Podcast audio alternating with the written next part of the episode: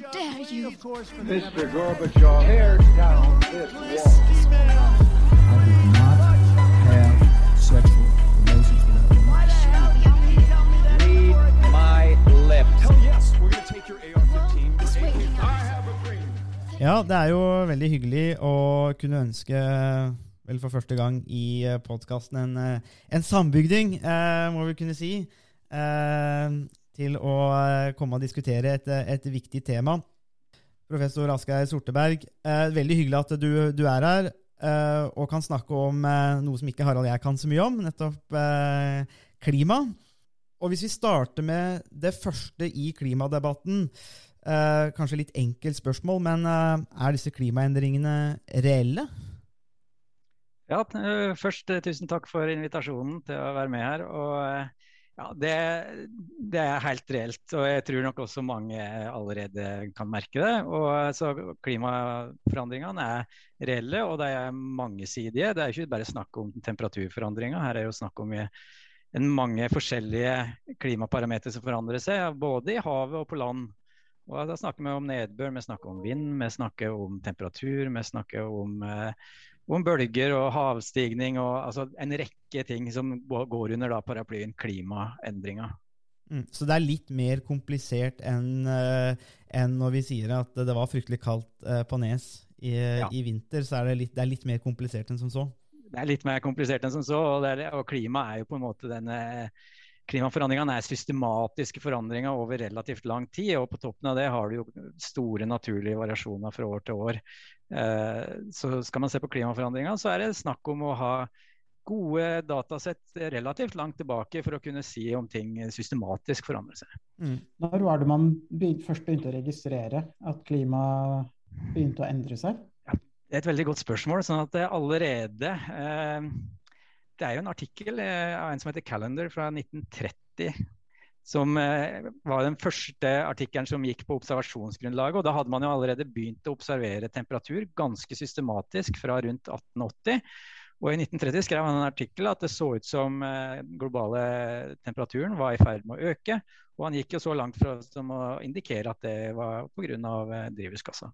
Mm. Det er jo Det det er litt interessant, fordi det, det kan jo tyde på at uh, selv de relativt beskjedne klimautslippene man hadde i, helt i begynnelsen av den industrielle revolusjonen, også hadde en viss påvirkning på, på klima, kanskje. Ja, og man hadde jo allerede på en måte teorien. ikke sant? Men man hadde jo allerede på 1800-tallet så hadde man jobba mye med å forstå hvorfor jorda var så varm som den var. Man forsto allerede da at hvis bare sola var det eneste som varma oss opp, så burde det vært rundt eh, ja, vi vet sant, ca. minus 18 grader. Og det er jo ikke. Det det er typisk pluss 14 grader i gjennomsnitt på jorda. Og, og man hadde allerede teorien for at det måtte være da gasser i atmosfæren som, som absorberte energi og sendte det tilbake igjen, sånn at eh, man eh, kunne forklare den temperaturen. Så, så teorien lå der. Og så kom jo da det observasjonsgrunnlaget sakte, men sikkert. Mm, Ja, for det er jo litt det vi skal snakke om i, i første delen av podkasten i dag. Det er jo nettopp dette med ja, altså Har man teorier, hypoteser om disse tingene? Man forstår at uh, ok, det er noen ting som henger sammen med noe, og, men hvordan gjør det det? Og Du nevnte litt dette med, med behovet for datasett. Eh, empirisk eh, data, informasjon. eh, alle disse tingene. Og eh, det har jo det har vært en, da, en lang tradisjon, som du sier, egentlig, med, med, med studier og forskning på dette. Eh, vi, skal, vi har jo ikke tid til å gå gjennom alle de, men det som kanskje har blitt måte, spydspissen i det, og det som kanskje har blitt måte, senteret for nettopp denne forskningen, i hvert fall de siste årene, og det som har fått mye oppmerksomhet, er jo FNs klimapanel. Eh, og hvordan er det de jobber, hva, og, hva, hvordan og hva jobber de med måte, for å eh, for å måtte samle informasjon, produsere informasjon osv. Kan du si noe mer om måte, hva er dette panelet? Ja, altså IPCC, eller som heter Intergovernmental Panel of Climate Change, var noe som ble etablert i 1988.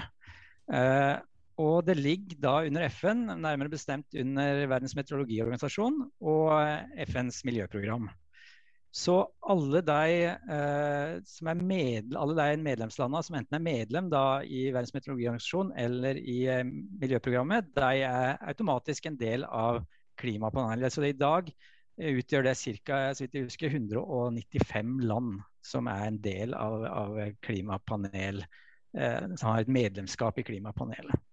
Mm. Og, da er det jo ja. ja. Nei, beklager, men jeg, jeg tenkte bare Altså, det kom jo et mandat eh, allerede i 1988, og det har vært uh, uforandra siden da. Og mandatet går jo da på at man med jevne mellomrom, eh, nå ca. hvert sjette-sjuende år, så skal man skrive en rapport der man går igjennom den vitenskapelige, tekniske og sosioøkonomiske informasjonen som er knytta til klimaforandringa. Så man gjør jo ikke egen forskning, men det er jo et mandat for å gjennomgå forskning som er gjort over en viss tidsperiode. Ja, altså Rett og slett samle og systematisere dette. Og, for det jo, eh, og den, det leder jo inn i det neste spørsmålet. på en måte, Hvordan arbeider man? Fordi at, um, så Hvordan arbeider panelet på en måte? Men du, du gir jo et lite svar på det. at Her er det jo egentlig kanskje samling. Men for det, det her må det jo være fryktelig mye forskjellig forskning som skal settes sammen på en måte til et bilde? Ja, det skal jo det. sånn at Man har delt seg opp i tre arbeidsgrupper. Eh, arbeidsgruppe 1, som var den rapporten som nå akkurat kom, det går på den grunnleggende naturvitenskapelige delen. Altså rett og slett på eh, klimaforandringene. i den. Og så kommer det en arbeidsgruppe 2, eh, som går på virkninga av klimaendringene. Både på naturen, men også på sosioøkonomiske systemer. Og de skal da komme med sin nye rapport eh, i mars neste år. Og så har det arbeidsgruppe tre, som vurderer tiltak og virkemiddel. Og de kommer da i april, så vidt jeg husker. Eh, sånn at det er delt i tre, og det er jo da veldig forskjellige forskere som sitter i de tre arbeidsgruppene. Men til sammen så skal jo de, da de dekke det mandatet som panelet har. Mm. Og dette arbeidet med dette, dette også er altså komplisert. Internasjonale forskere over hele verden, ulike institusjoner, eh, metode, metodologi. Kan du si litt om hvordan man, på en måte samles her? Ja, riktig. sånn at det er jo, altså det her Klimapanelet det er jo egentlig et sekretariat som da eh, som har som oppgave å gi ut da hovedrapporter hvert sjette-sjuende år. Så dette er jo den sjette rapporten eh, som kommer nå, siden eh, den første kom i 1990. Eh, og så gir den også ut tekniske rapporter og spesialrapporter. Jeg har sjøl vært med på f.eks. en spesialrapport på ekstremvær som kom i 2012. Og Det er rapporter da som blir der medlemslandene kan be om spesialrapporter. Og så må panelet da sette opp eh, en forskergruppe som, som, eh, som gjør jobben med å samstille eh, forskningsresultatene innenfor, det, innenfor det, det, man ber om. Eh, og rent, sånn, rent, praktisk så er jo da eh, Så velges det da eh, forfattere til å gjøre det her. Eh, for hver gang. Og der kan, eh, Det er litt forskjellig hvordan det her gjøres i forskjellige land. I Norge så er det sånn at eh, det er Miljødirektoratet som, der du kan sende inn CV-en din og si at du har lyst til å være med. og du kan også indikere, Der ligger det allerede en innholdsliste for hvilken, hvilke ting som skal dekkes i rapporten, og hvilke kapittel du tror du kan bidra til.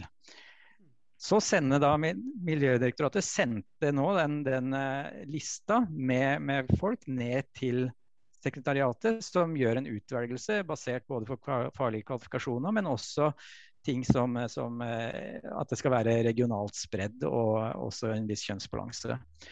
Så. For, for da arbeidsgruppe 1, som, den rapporten som ligger nå, så var det med 234 forfattere totalt fra 65 land. Vi var sju fra Norge.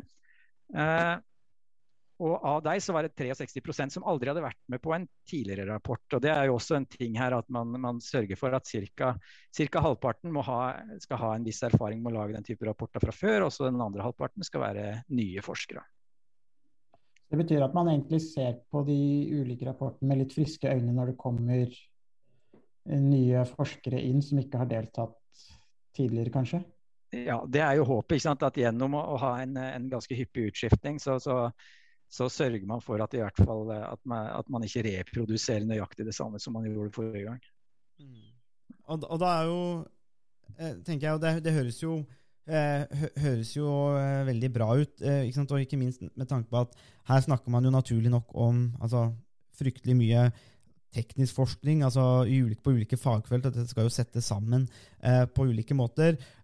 og et spørsmål da for, men, det, men, det, er jo da også uansett, og det er klart mye forskning og sånne ting skal være gjenstand for kritikk, og det skal være gjenstand for eh, altså skeptisk holdning og skeptisk kritikk, og på en måte at man, man ikke tar alt for eh, som god fisk. Men da er jo spørsmålet, når man da jobber med disse tingene, hva, eller hvordan og Og ikke minst, hvorfor skal vi stole på panelets konklusjoner? Eh, Altså, Du var jo eh, nå framme i, i sommer med dette med, med ekstremvær. Altså, Hvorfor skal vi stole på Asgeir Sorteberg som eh, varsler om mer ekstremvær? Ja, nei, det er, jo, det er jo det på en måte prosessen skal sørge for. Da, at man ikke trenger å stole på enkeltforskere, men at man skal stole på forskersamfunnet som helhet gjennom den prosessen her. Uh, og veldig detaljert for å si litt om selve prosessen her, så er det en, fireårig prosess å lage en sånn. Altså du har et eh, etter at du har nominert og valgt forfattere, så må de komme opp med et eh, draft på rapporten. Den går ut til, en, eh, til ekspertkommentarer og review, på, altså fagfellevurdering. Eh, åpent. Enhver kan da legge inn kommentarer til det som er gjort. Eh, og alle kommentarene må da besvares, eh, eh, må besvares skriftlig. Og det er åpent tilgjengelig. Det er rett og slett et kjempestort Excel-ark med hvem som har spurt kommentaren, hvilken kommentar det er, og svaret fra forfatterne. Og så har man da eh, redaktører i tillegg da, for hvert kapittel som sørger for at den besvarelsen faktisk er i tråd med det det blir spurt om. Um, og dette er jo da en prosess som først går ut én gang, og så kommer et nytt draft. Og så gjør man det samme om igjen, men denne gangen så er det ikke bare eh, personer som kan eh, gå inn og kommentere. Da kan også regjeringene komme inn og kommentere. Så da har du regjeringskommentarer i tillegg på det, det jeg kaller det andreordensdraftet. Eh, og etter det så går det da får man et endelig draft som skal godkjennes. Så det er prosessen her. Um, den totale mengden med kommentarer som kom inn i år, på, eller på den arbeidsgruppe 1-rapporten, det var 78 000 kommentarer. Som da er alle besvart skriftlig. Og det er jo en del av, av grunnen til at det tar fire år å, gjøre det her. Så det er altså et enormt arbeid som ligger bak. Eh, ikke bare av enkeltpersoner, men av hele, av hele forskersamfunnet, som er da svært ivrig på å kommentere. Og underveis i prosessen så kan man jo da finne at, eh, at forfattergruppa kanskje har kunnskapshull i deler av det de skal skrive om, og da ber man gjerne inn medforfattere. Så det er også en stor liste med medforfattere som får i oppgave å skrive veldig, eller gå inn i veldig spesifikke problemstillinger og, og hjelpe til. Så, det, så det, hele den prosessen er jo da et håp Altså skal gi en mulighet til å, gjøre at det her skal være ganske rigid, og at man ikke trenger stole på enkeltresultatet i forskninga eller enkeltforskere som går ut og uttaler seg, men at det her på en måte er noe som, som hele forskersamfunnet har vært tatt del i. da. Veldig interessant å høre hvordan uh, man egentlig jobber på et mer sånn praktisk eh, nivå også. Og det er jo på en måte det som er det som skaper forskningsresultatene til, til, syvende og sist. du har vært, egentlig vært litt inne på det, men kan du si litt om hva er styrkene og svakhetene med den måten man jobber på, og, hvor, og de resultatene som man, man, kommer frem til gjennom de rapportene? Ja, altså det, jeg tror jo Styrken ligger jo i det her at man eh, er så mange som er involvert. Eh, svakheten ligger jo delvis i at det er et, en langsom prosess som tar mye tid. Eh, det her er jo ubetalt arbeid. En del vil kanskje vegre seg for å være med, for det, det, tar enormt med tid samtidig med at du har en, en annen jobb. Eh, så, så den her uavhengigheten som ligger i at man ikke får betalt for det her, det er jo både pluss og minus. For, det, for noen så F.eks. som jeg som sitter på universitetet, har jo en viss frihet til å kunne velge å være med på det her, mens andre da kanskje må si nei. Så, og så er det jo da et spørsmål om det er et pluss eller minus å ligge under en sånn, en sånn FN-paraply. Det er klart Plusset der er at du er relativt nær politikken, og dermed så blir det mer politikkrelevant. Minuset er jo at du har innflytelse fra Du har regjeringskommentarer som skal håndteres. Og så har du jo da, selv om ikke regjeringa skal godkjenne den endelige store rapporten, det ligger jo en, den rapporten på, på, flere tusen sider, så er det et såkalt 'summary for policymakers', som er på 30 sider, som på en måte gir oppsummeringa. Og den skal godkjennes eh, av alle regjeringene. Så der ligger det jo eh, så det kan jo være formuleringa der som man vil være annerledes enn man finner i den store rapporten.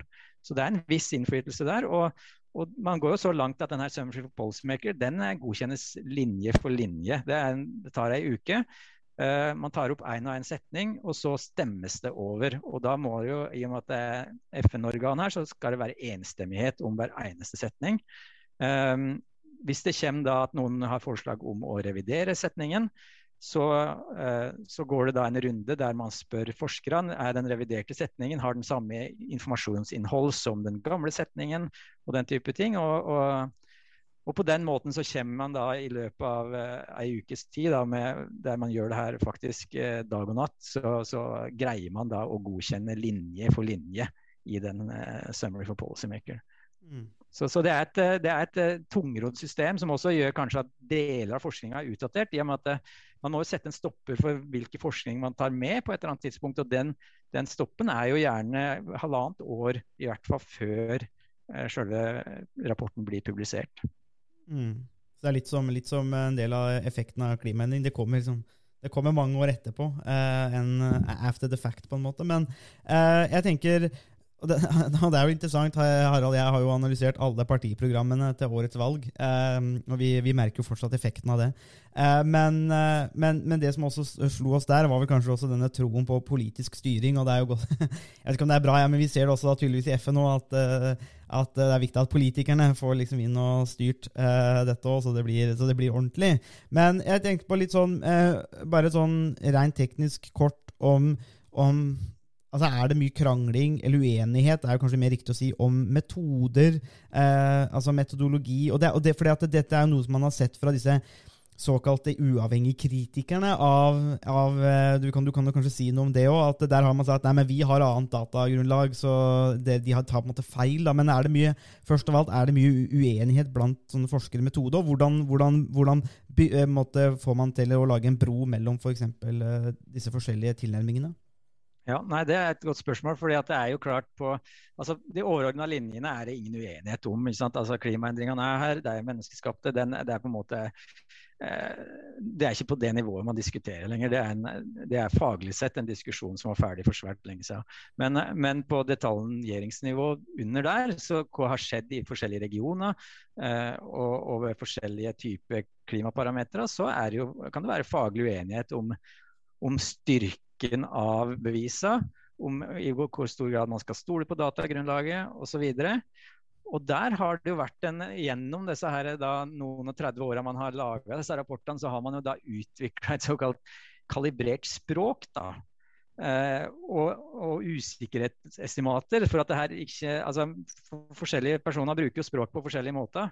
Eh, da, så det er Noe av det alle må læres opp i når man begynner med det her, det er jo det her kalibrerte språket, der du på en måte har eh, du har dimensjoner for å evaluere de vitenskapelige funnene.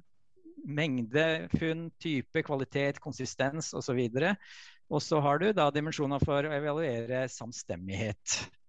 Og så får man da, eh, kommer man ut med, med veldig sånn type eh, kalibrert språkbruk der man bruker eh, ja, typisk sånn her eh, Man snakker om en ting er extremely likely eller likely eller virtually certain. Mhm. Medium confidence, high confidence. alle disse her, Det er sånne her, eh, kalibrert ord, ord som, der det ligger helt klare eh, føringer under hva er det det betyr. Hvilke type fakta må, og hvilke type eh, og hvor mye samstemmighet skal til i litteraturen for å kunne bruke de forskjellige orda. Mm. Eh, og det, det, er jo noe som alle forskerne ikke er vant til, og som er helt nytt, og som på en måte er en læringsprosess. Det å kunne gjøre en vitenskapelig evaluering ved bruk av kalibrerte språk, der du ikke bare bruker din egen på en måte ekspertfølelse på hvor sikkert det er, men du faktisk må vise at fins det såkalte multiple line of evidence. Fins det det og det? Og gjør det ikke det, så, har, så, må du jo gå tilbake og si ok, kanskje bare er low confidence istedenfor medium confidence. Mm. Og Der blir det mye diskusjon. Hvor, hvor, på hvilket nivå skal man legge seg på de forskjellige konklusjonene? Innebærer det det kalibreringsspråket eh, du snakker om, er det eh, så man kan sammenligne resultater fra ulike steder? Ja, og også da et håp om å sammenligne eh, resultatene fra ulike rapporter.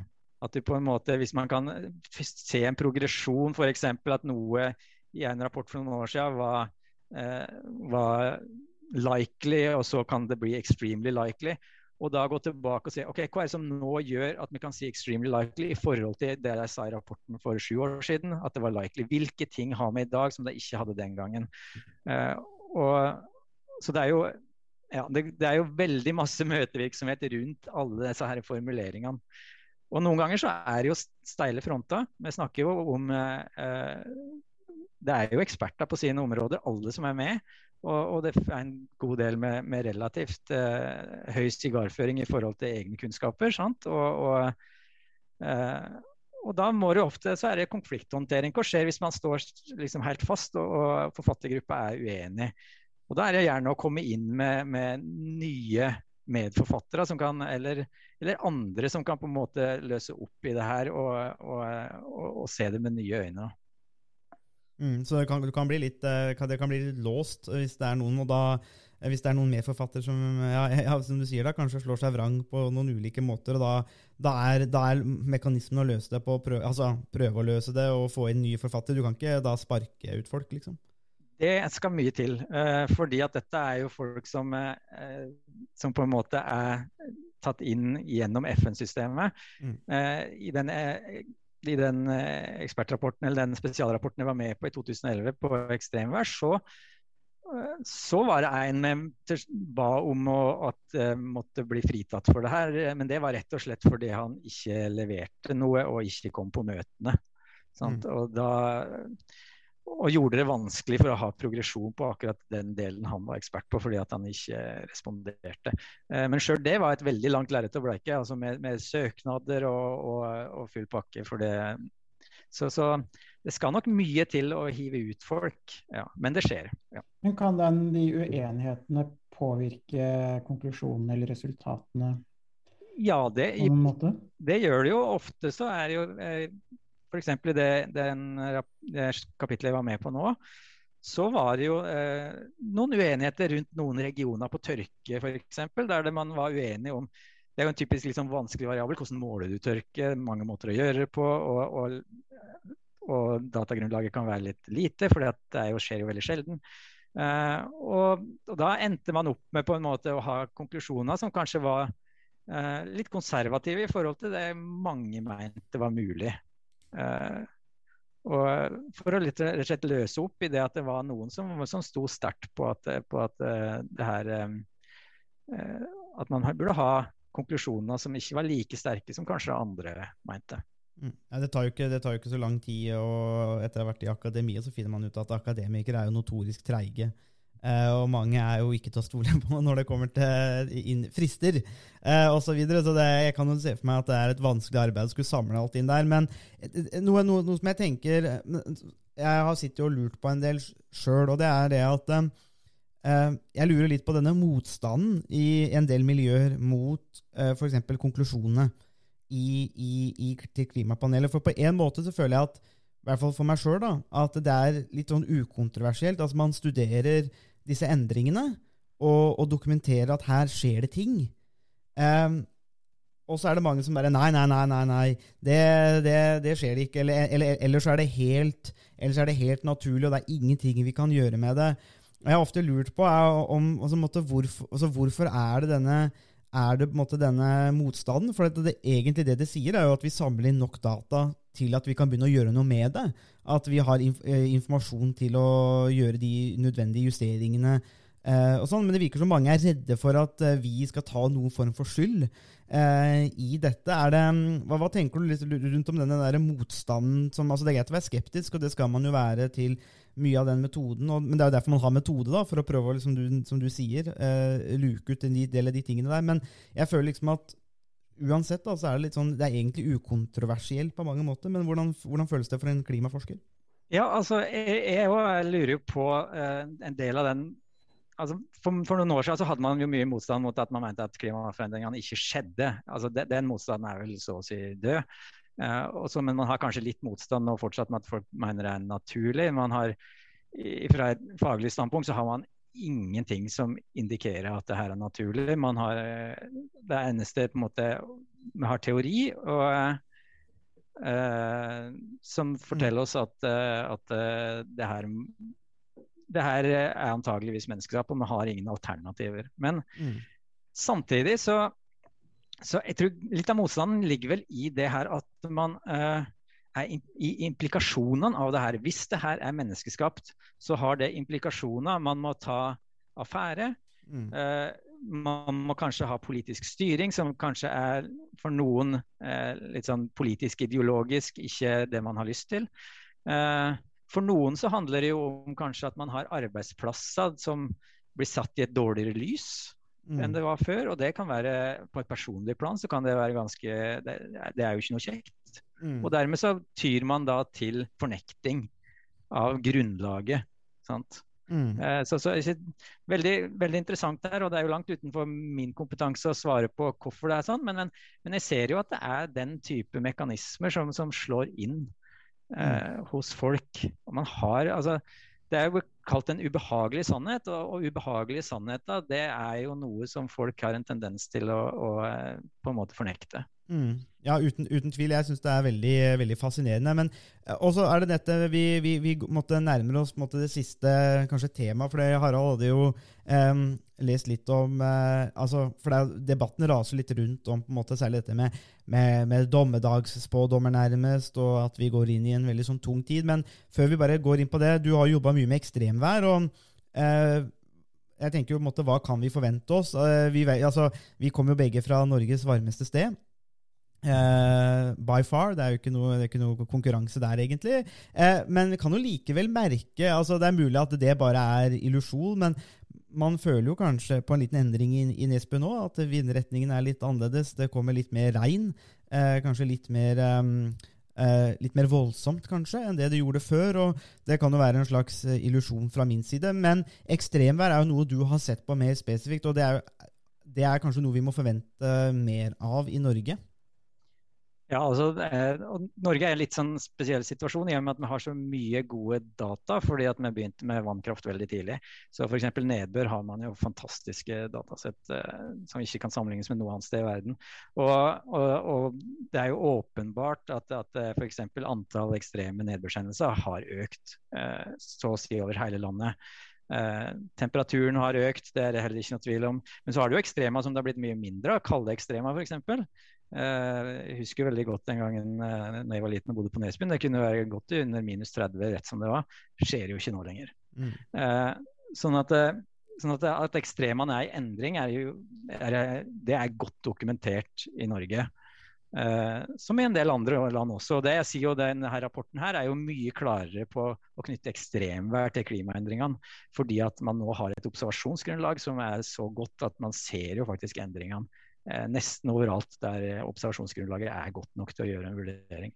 Det er veldig annerledes enn forrige rapport, der man kanskje i større grad måtte lene seg på klimamodeller og si at ekstremværet kommer til å forandre seg. Mens nå har man da et observasjonsgrunnlag som er nok til å si at det har forandra seg. Mm. Men, men, det er jo jeg synes det er et langt steg fra på en måte å si at ok, det blir mer ekstremvær, du får større problemer med klimaendringene, til, til den her dommedagstanken og den er, som er rundt det her. fordi at det er jo Eh, det står jo ingenting om det i FNs klimarapport. Det står ingenting om hvor fælt ting blir. eller sånn. Det er jo bare en beskrivelse av en forandring. Og en, beskrivelse av mulige framtidige forandringer, avhengig av hvor mye du slipper ut. Og, og, og i hvor stor grad dette her er, er, og hvor alvorlig det er, det er jo da en tolkning som gjøres som ikke bygger direkte på rapporten, men som da gjøres i media, og det gjøres av folk Eh, og folk har forskjellig oppfatning om risiko. Noen er veldig risikoaverse, mens andre er villige til å ta risiko. Eh, og, og, og det, det, lever jo sitt eget liv, hvordan folk tolker alt det her som gjøres, sies i rapporten. Mm. Eh, det er veldig interessant det du er inne på nå. og Det ble også publisert en kronikk i Aftenposten i dag av Jonny Hesthammer og Sunniva Rose, som som går litt inn på det samme, uh, om at uh, mye av det, det, som mediene presenterer, er en slags uh, skremselspropaganda som nærmest kan virke mot sin, sin hensikt. Og de, de, trekker frem en del tall om at veldig mye i verden går bedre, færre fattige bl.a., økt levealder, færre som omkommer i naturkatastrofer osv. Og, og de avslutter med Eh, at vi rett og slett bør eh, glede oss til fremtiden. Fordi eh, verden går framover. Selv om eh, klimaendringene eh, går sin gang, så, eh, så klarer vi som, som menneskehet eh, å håndtere klimaendringene. Og eh, vi kan mest sannsynlig se fram til at fremtiden blir, blir bedre, både for oss som lever i dag, men også etterkommerne og fremtidige generasjoner. Um, så det kunne vært interessant å høre hva du um, hva, hva, tenker du om den type altså den, den, debatten som man har om noen som, som egentlig blir litt, begynner å kanskje bli litt polarisert også, med eh, noen som er kanskje litt ekstreme på begge sider. Eh, hvordan er det man skal forholde seg til det som, eh, som samfunn, egentlig? Ja, og uh, som sagt, det er jo Jeg, jeg syns jo det er Personlig så, så, så syns jeg at de har gode poenger. Jeg, jeg syns vi skal glede oss over at ting går bedre. Og, og man har et samfunn som i mange, mange henseender går i riktig retning. Samtidig så ser vi at den type argumentasjon er veldig eh, menneskefokusert, på at mennesker kan eh, tilpasse seg. Og det har jeg et stort tro på. Eh, men det mangler jo helt det aspektet med, med den økologiske Eh, tilpasninga og, og, og, naturen, som jo da ikke har på langt nær de mulighetene til å tilpasse seg en rask klimaendring. Eh, og det her med natur, eh, det man har kalt naturkrisa, og som på en måte er der klimaendringene er en del, og, og økosystemkriser. Eh, det er ikke noe man kan tilpasse seg ut av. På samme måte som at du kan tilpasse deg ut av at du får eh, flere flommer eller, eller mer skred. Eh, så det er jo et aspekt som, som jeg syns også må inn eh, hvis man først begynner å se hvor mye skal man glede seg til. Og jeg tror Menneskeheten har jo vist å være fantastisk, eh, en fantastisk evne til å tilpasse seg. Men det er en tilpasningsevne som svært mange økologiske samfunn og, og, og økosystemer ikke har, når forandringene går for raskt. Mm. Så Det er også snakk om hastigheten av forandringene her, og ikke bare hvor store forandringene er. Eh, og det aspektet eh, må jo også med i en sånn vurdering av hvor mye man har å glede seg til. Men, men, jeg, men jeg, jeg, støtter jo fullt ut at man skal ikke lage noe dommedag for menneskeheten basert på det her, i hvert fall. Ja, nei, jeg, jeg, tenkte også litt det samme eh, som du var inne på nå, eh, da jeg leste den kronikken, om at eh, det, er jo egentlig to um, prosesser som foregår parallelt. Eh, klimaendringene pluss Um, habitat som forsvinner og artsmangfold som, som blir borte. Um, til syvende og sist er jo også mennesket til en viss grad avhengig av uh, de ulike habitatene og en del av det artsmangfoldet. Uh, F.eks. For i forhold til pollinering av mange uh, viktige jordbruksvekster. Så kan, kan, det være sånn at menneskeheten isolert sett klarer seg godt, men at vi, det som kan være noe av trusselen, er det at de habitatene og artsmangfoldet som vi eh, er avhengig av, kan være med på å undergrave måte, vår egen skal jeg si, eh, fortreffelighet eller evne til å, til å tilpasse oss? Altså, det er jo en måte jeg, jeg, tenker på det her på som den største, som den største risikoen knytta med klimaendringa. Og så er det jo ett aspekt til, og det er jo at det er jo, det er jo faktisk en god del land som ikke har verken ressurser eller eller, eller, et samfunn som gjør at de kan tilpasse seg. Mm. Uh, og, og, og, det er samfunn med ganske mange folk, og, og det blir stadig flere. sånn at så, sånn at Det er ikke sånn at alle mennesker på jorda har samme muligheten til å tilpasse seg det her. Det er jo et veldig sprik mellom oss rike, som, som i stor grad har ingen problemer med å tilpasse oss, og land der du er helt avhengig av naturlig jordbruk. For eksempel, jeg var i Etiopia her, og, og altså, Veldig små variasjoner i nedbør gjør jo enorme forskjeller i avling. Fordi det er jo ingenting som er eh, Vanningssystemer finnes jo ikke. Det var 1 av, av, alle, av alle jordene hadde en vanningssystem. Resten er jo bare naturlig nedbør. Eh, og og Det er klart at det skal så innmari lite til før du forstyrrer økonomien i den type land som er så jordbruksbasert og basert på naturressurser, samtidig som de ikke da har systemene for å, for å verken det administrative eller det, eller det økonomiske styrken til å på en måte tilpasse seg, selv om de vet at det bør det. Så, mm. så det, er, det, er, jo problemer med den type argumentasjon at, alle, at mennesker kommer til å greie seg helt fint. For det er ikke alle mennesker som kommer til å greie seg like fint. Mm. Det er jo et, eh, de, de, de to elementene tenker jeg er veldig lett å glemme. Eller, og at man er, vi, vi sitter i, i, i, et rikt land eh, og har godt, gode muligheter for å tilpasse oss. Mange andre land har ikke det. Og så er det dette med å, å glemme at vi glemmer den større økologien eller, og, og, og rundt om, altså habitatene som du nevner. Og det er veldig lett å glemme det. fordi man sitter kanskje i asfaltjungelen og tenker at sånn fungerer verden, mens det er jo fryktelig mye mer komplisert enn som så. Og så får vi se, da. Det ser ut som jeg, i hvert fall at jeg merker kanskje en sånn Det ser ut som det er en økende klimabevissthet, og det er vel egentlig kanskje bare mitt sånn siste spørsmål. Litt sånn øh, Litt sånn øh, åpent, egentlig. Men, men, føler du at, eh, at øh, skulle, skulle, på en måte samfunnet bli gitt mer gass? Altså det er jo sånn, Jeg jobber jo med terror og føler at liksom, og eh, bekjempelse av terror og har vært veldig oppgitt over krigen mot terror. og liksom føler liksom for å si at liksom, Herregud, vi kan gjøre ting bedre. altså Vi har kunnskapen til å gjøre ting bedre. Hvorfor gjør vi ikke det? Eh, når du sitter på en så viktig sak da, som klima, føler du blir liksom frustrasjon, irritasjon? eller sånn, sitter og tenker på liksom, men å, Vi har bevisene. altså Hvorfor kan vi ikke få mer eh, action eller handling? da? Ja, både ja og nei. for jeg, jeg, skulle ønske at ting hadde skjedd fortere politisk. Men samtidig så, så må jeg si at jeg syns at uh, når du ser på det politiske mandatet som, som uh, velgerne gir, så er ikke det veldig sterkt. Det det sånn, det er ikke noe klart signal til at politikerne skal gjøre så veldig mye. Og jeg tenker Man må ha et politisk, man må ha et demokratisk mandat hvis man eh, bør ha, i hvert fall i bånn, hvis man virkelig skal begynne å gjøre noe. Og I Norge så eksisterer det i litt liten grad foreløpig. Eh, så, så, sånn sett så, så, kan du si at demokratiet er ikke nødvendigvis eh, det tar lang tid med demokrati, men det er viktig tror jeg, å ha den her demokratiske forankringa og et, et, mandat for å gjøre ting.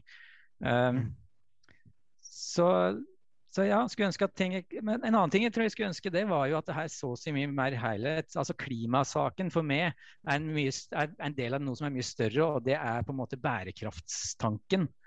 Med de, fire, med de tre bærekraftspilarene, som ikke bare går på, altså går på, på, på miljø, men det går jo også på, på det sosiale og økonomiske. Sant? Og tenke bærekraftsløsninger i, i Sånn at ikke man får veldig sånn fraksjonert politisk tenkning. At du har, liksom, du har klimakrisa, og du har naturkrisa, og du har flyktningkrisa.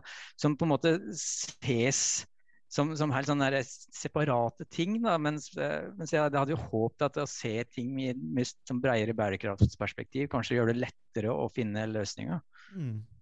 Helt klart, Det er jo et, er jo et politisk eh, i, aller høyeste grad et politisk problem. Det er jo et eh, kollektivt problem som vi har snakka mye om, Harald, som definitivt krever kollektive løsninger. Eh, og FNs klimapanel er jo et, et, et verktøy i den prosessen. Um, jeg har ikke noen flere spørsmål. Har, har du, Harald, noen, noen, siste spørsmål du har lyst til å stille? Jeg syns vi har fått veldig mange gode svar. Ja, så jeg føler meg faktisk veldig mye mer uh, informert og opplyst enn for uh, eh, 46 minutter siden. det, gjør, uh, det, gjør, også jeg. Det litt, for det, dette er jo kompliserte ting. Altså, og, og det, er, det, er, veldig fascinerende å, få høre litt mer i detalj hvordan er det nettopp man jobber med dette, og den vitenskapelige prosessen. For at og det er jo det vi, vi, vi pleier å undervise her i statsvitenskap. Det handler jo veldig mye om dette med systematikk. Syst, å, produsere kunnskap på en systematisk måte som, kan, som, er reliabel og valid, og som man kan sjekke, man kan ettergå. Eh, og så blir dette en akkumulering av kunnskap som på en måte man kan basere, basere eh, beslutninger på. og Det er jo på en måte det metode handler om, og det er jo kanskje også derfor er, man skal, man skal eh, legge merke til da, disse konklusjonene som kommer òg. For det er jo ikke noen som bare stikker fingeren ut av, opp i lufta og, og, tenker at nå er det klimaendringer. Så, så takk for det, eh, Asgeir. Det var veldig hyggelig å, å, ha deg her. Og så får vi se da om vi hvordan det går med, med, med klimaet videre, og så får vi glede oss til neste rapport. Eller glede, jeg vet ikke. Kanskje grue oss da, til neste klimarapport. Tusen takk for at jeg fikk komme. Det var det vi hadde å by på i denne ukas episode av Statsvitenskap og sånt. Musikken er komponert av Robin Horvath, og Thomas Colato står for miksing og redigering. Du finner oss på Facebook, bare søk på statsvitenskap og sånt.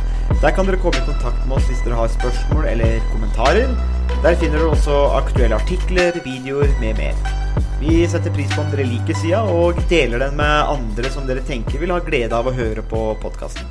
Vi høres.